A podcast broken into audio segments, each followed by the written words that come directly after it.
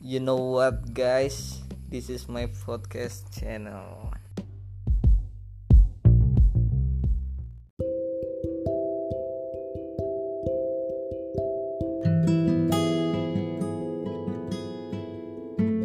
Selamat datang bangsa kera. Kali ini kalian tidak akan menikmati suaraku yang buruk.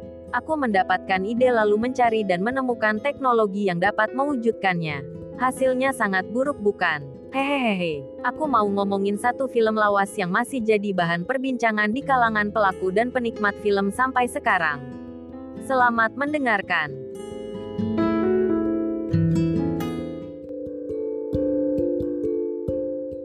Pengorbanan. Mengapa melakukan pengorbanan? Apa tujuannya? Lalu apa yang dikorbankan? Barangkali itulah sekelumit pertanyaan yang muncul saat membaca judul film ini.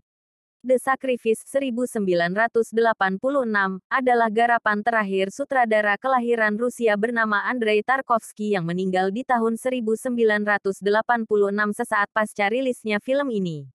Jujur, aku sendiri tidak memahami secara utuh maksud dari film The Sacrifice.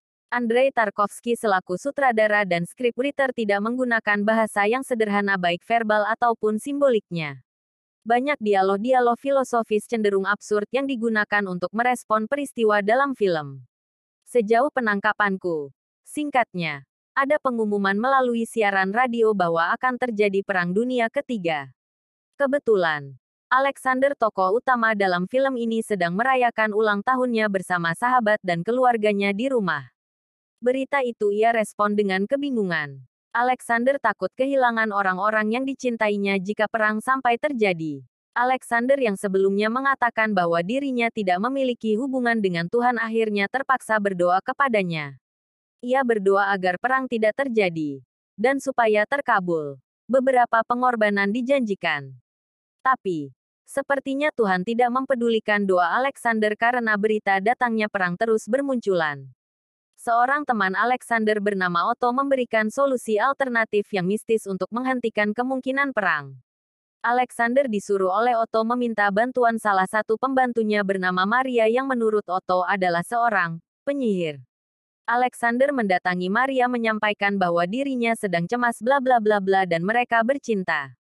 Sejauh penangkapanku Maria mengatakan kepada Alexander bahwa masalahnya terletak di rumah Alexander. Cerita berakhir dengan dibakarnya rumah Alexander oleh Alexander sendiri.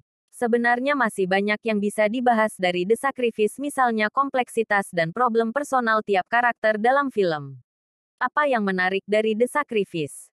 Sekarang coba bayangkan satu naskah yang sama persis kita tonton di dua medium yang berbeda yaitu layar lebar dan panggung teater. Apakah akan sama impresi dan sensasi yang kita dapatkan ketika menontonnya di layar lebar dengan teater? Bagiku tidak mungkin sama. Dua medium itu memiliki kompleksitas, kelebihan dan limitasinya sendiri-sendiri baik dari segi produksi, artistik, keaktoran, penyutradaraan, setting ruang dan lain sebagainya.